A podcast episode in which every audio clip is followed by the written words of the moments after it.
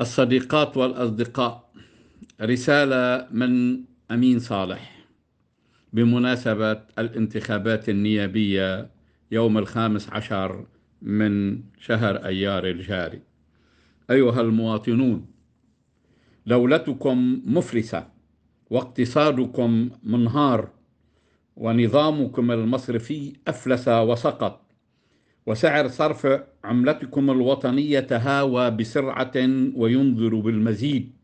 فانخفض في مقابل الدولار الأمريكي بمعدل 93% واحتياطكم من الأموال من العملات الأجنبية قد هرب إلى الخارج برعاية السلطة السياسية الحاكمة وتنفيذ المصرف المركزي وتسهيله وتشجيعه. وانخفضت القدرة الشرائية للمداخيل بمعدل يزيد عن 93% وارتفعت الأسعار ارتفاعا مجنونا تراوح بين 850 والألف وهو إلى مزيد. وأصاب الشلل كل المرافق الاقتصادية في البلاد بدون استثناء وانتشرت الفوضى التي قد تصبح شاملة وتتدحرج إلى انهيار أمني يهدد الكيان اللبناني بالسقوط. أيها المواطنون هذا الانهيار الشامل السياسي والاقتصادي والاجتماعي والذي ما كان يحصل لولا تضافر عوامل داخلية بحتة أهمها النظام السياسي الطائفي والاختلال الاقتصادي والفساد المنتشر والعجز في المالية العامة والهندسات المالية والنظام الضريبي غير العادل ووضع اليد على المرافق العامة من قبل قوى مشاركة في السلطة. ولعل أهم هذه العوامل على الإطلاق تفاقم الدين العام وتعاظم فوائده حيث عجز الاقتصاد اللبناني عن تأمين خدمته. والأخطر من كل ذلك أن بعض أبواق المنتفعين من السلطة وأتباعها ومرتزقتها من خبراء وقوى سياسية وإعلامية بدأوا يمهدون لرهن أو بيع موجودات لبنان من الذهب وأصول الدولة من أراض ومرافق عامة. وذلك لاستكمال عملية السطو على الأموال العمومية كافة وإفلاس الوطن بعد إفلاس الدولة. وكذلك بدأ هؤلاء التمهيد والتبرير لتحصيل وجباية الضرائب والرسوم وخدمات المرافق العامة من مياه وكهرباء على أساس سعر صرف الدولار بالسوق السوداء مما يؤدي حتما إلى زيادة عبء الضرائب بما لا يقل عن 15 ضعفا على المواطن اللبناني وزيادة مماثلة في أسعار السلع والمواد. إن ذلك كله يحصل وفقا لخطة مدروسة وممنهجة ومعتمدة من قبل الدولة العميقة في لبنان المكونة من تحالف الزعماء السياسيين للطوائف والمذاهب ورأس المال الريعي وينفذها حاكم مصرف لبنان وإدارة المصرف المركزي ويرعاها ويشرف عليها صندوق النقد الدولي الذي يمثل قوى الهيمنة الرأسمالية الغربية والهدف واضح دفع البلاد إلى الانهيار الشامل. أيها المواطنون إنكم أمام خيارين لا ثالث لا ثالث لهما أولا خيار الدولة العميقة أي خيار القوى السياسية التي شاركت في السلطة أو المشاركة في السلطة بالتحالف مع رأس المال المصرفي على تحميل الشعب اللبناني الخسائر المالية اللاحقة بالدولة باعتماد الوسائل النقدية التالية. إحداث الانهيار المالي والنقدي زيادة كمية النقد المتداول خفض سعر صرف العملة اللبنانية مقابل الدولار الأمريكي زيادة أسعار السلع والخدمات كافة. رفع الدعم عن السلع الأساسية كالغذاء والدواء والمحروقات. زيادة الضرائب والرسوم. لقد أنجزت الدولة العميقة بحكوماتها المتعاقبة البنود الأربعة الأولى وهي بصدد استكمال رفع الدعم واستكمال زيادة الضرائب. والرسوم عن طريق الجباية على أساس سعر الصرف في السوق السوداء كما هو واضح ومفصح عنه في مشروع موازنة العام 2022 التي أقرته الحكومة وهي حكومة ممثلة للقوى السياسية التي شاركت أو المشاركة في السلطة. أيها المواطنون إن ما تقدم يعني بأن الدولة العميقة قد استغلت وباء كورونا وضعف حركة الانتفاضة الشعبية وقررت تدفيع الشعب ثمن فسادها وجباية الخسائر من مدخرات ومداخيل الفقراء والمعوزين وذوي الدخل المحدود. وخيار الدولة العميقة هذا هو خيار الوصاية الدولية الممثلة بصندوق النقد الدولي والذي أملى على الحكومة تنفيذ التدابير المذكورة أعلاه تحت شعار القيام بالإصلاحات. ومنها مشروع قانون ال capital control ومشروع قانون تعديل القانون السرية المصرفية وما سمي آه، خطة التعافي المنشورة في بعض وسائل الإعلام اللبنانية. لقد انصاعت الحكومة لهذه الإملاءات وتلك الشروط وأوكلت بتنفيذها إلى السلطة النقدية وعلى رأسها حاكم مصرف لبنان والمجلس المركزي لمصرف لبنان وهو مجلس طائفي مذهبي يمثل الزعماء السياسيين للطوائف والمذاهب.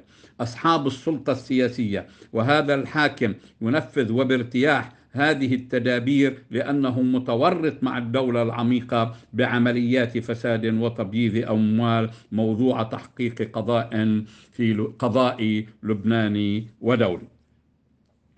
إن هذا الخيار خيار الدولة العميقة وبصراحة تامة هو خيار خارجي والذي يتطلب بالإضافة إلى ما تقدم ولتوفير بعض الدعم الخارجي من المؤسسات والهيئات والصناديق الدولية ما يمس بالسيادة الوطنية ويهدد وحدة لبنان.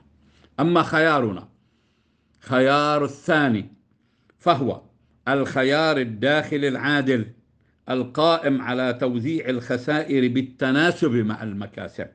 إن هذا الخيار الداخلي للحل يقتضي النظر إليه على أنه الخيار الأفضل لجميع اللبنانيين انطلاقا من حرص اللبنانيين على سلامة ووحدة الدولة اللبنانية وعلى تضامنهم في زمن المحنة لمواجهة أقصى حالات اقتصادية ومالية ونقدية واجتماعية يواجهها لبنان منذ نشأته إلى لبنان منذ نشأته إلى الآن. هذا فضلا على أن هذا الحل يقوم على المساواة بين اللبنانيين في التضحية وفقا لقدرة كل منهم على المساهمة في هذه التضحية. وهو خيار عادل في توزيع الخسائر بين جميع من استفاد من أرباح ومكتسبات بدون وجه حق. إذ لا يمكن القبول بأن يتحمل فقراء لبنان ومعوزيه وطبقته الاجتماعية المتوسطة تبعات هذا الحل. إذ يتوشب على جميع من استفاد من فوائد الدين العام ومغانم السلطة ايا كانت مسمياتها أن يتحملوا التضحية الأكبر. وهذا واجب وطني عليهم وندعوهم إلى القبول بهذا الحل طوعا واقتناعا قبل أن يصبح هذا مفروضا قصرا عملا بمبدأ الغرم مقابل الغنم. هذا الحل الداخلي يقوم على ما يلي تشكيل حكومة إنقاذ. يمنحها مجلس النواب ثقته وصلاحياته وصلاحيات تشريعية استثنائية من خارج قوى الدولة العميقة. مهمتها تنفيذ خطة الإنقاذ في فترة زمنية لا تتجاوز الستة أشهر. وأهم هذه البنود عزل السلطة النقدية برمتها. اثنين استرداد المال العام المنهوب والمهدور ثلاثة إلغاء الدين العام سواء كان بالعملة اللبنانية أو بالعملات الأجنبية. استرداد الفرق في فوائد سندات الخزينة بين المعدلات المحلية والمعدلات العالمية والتي لا تقل عن 64 مليار دولار علما بأن ربع الدين العام مصدر خلاف مصدر خلافا للدستور والقانون أي بدون إذن من مجلس النواب. ومن ثم توزيع هذا الفرق على فئات الودائع في المصارف وعلى المصارف ومساهمي المصارف. آه، فرض ضريبة استثنائية على الثروات العقارية التي اكتسبها كل شخص شغل منصبا في الإدارات والمؤسسات العامة والبلديات واتحاد البلديات والمجالس والصناديق والهيئات العامة وذلك بمعدل يتراوح بين العشرين بالمئة والثلاثين بالمئة. استرداد مبالغ الهندسات المالية التي أجراها مصرف لبنان. استيراد استرداد الضريبة الفائتة على فوائد سندات الدين العام.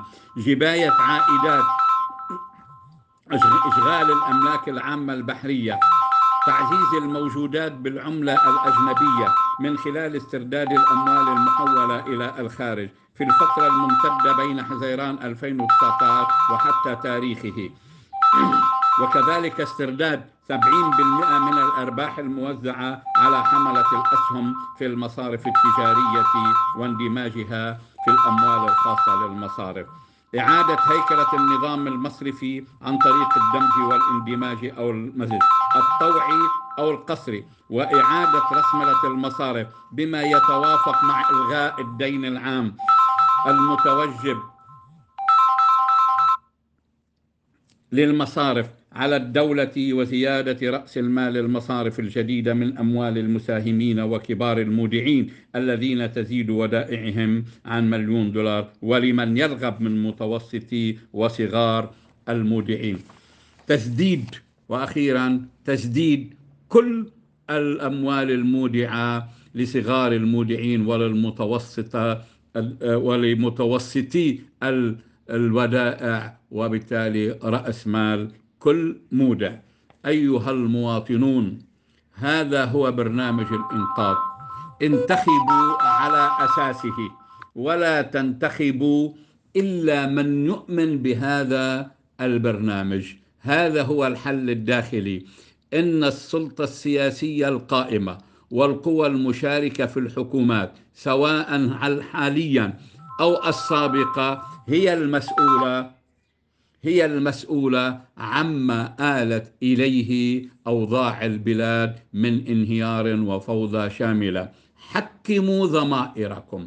لا تنتخبوا إذا إلا من يحمل برنامج إنقاذي ويفصح عنه ويعلن عنه صراحة. وإذا لم تجدوا من قوى المعارضة ما يتناسب مع هذه المبادئ ومع هذا البرامج فلنلزم كلنا بيوتنا ولنقاطع هذه الانتخابات لأنها فعلا مزورة بحكم قانون انتخابي جائر وظالم ويؤدي إلى المزيد من المذهبية والطائفية وإلى المزيد من التشرذم دمتم دام لبنان طابت أيامكم.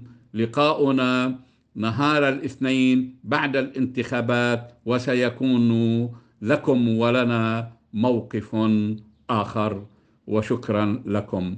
أمين صالح.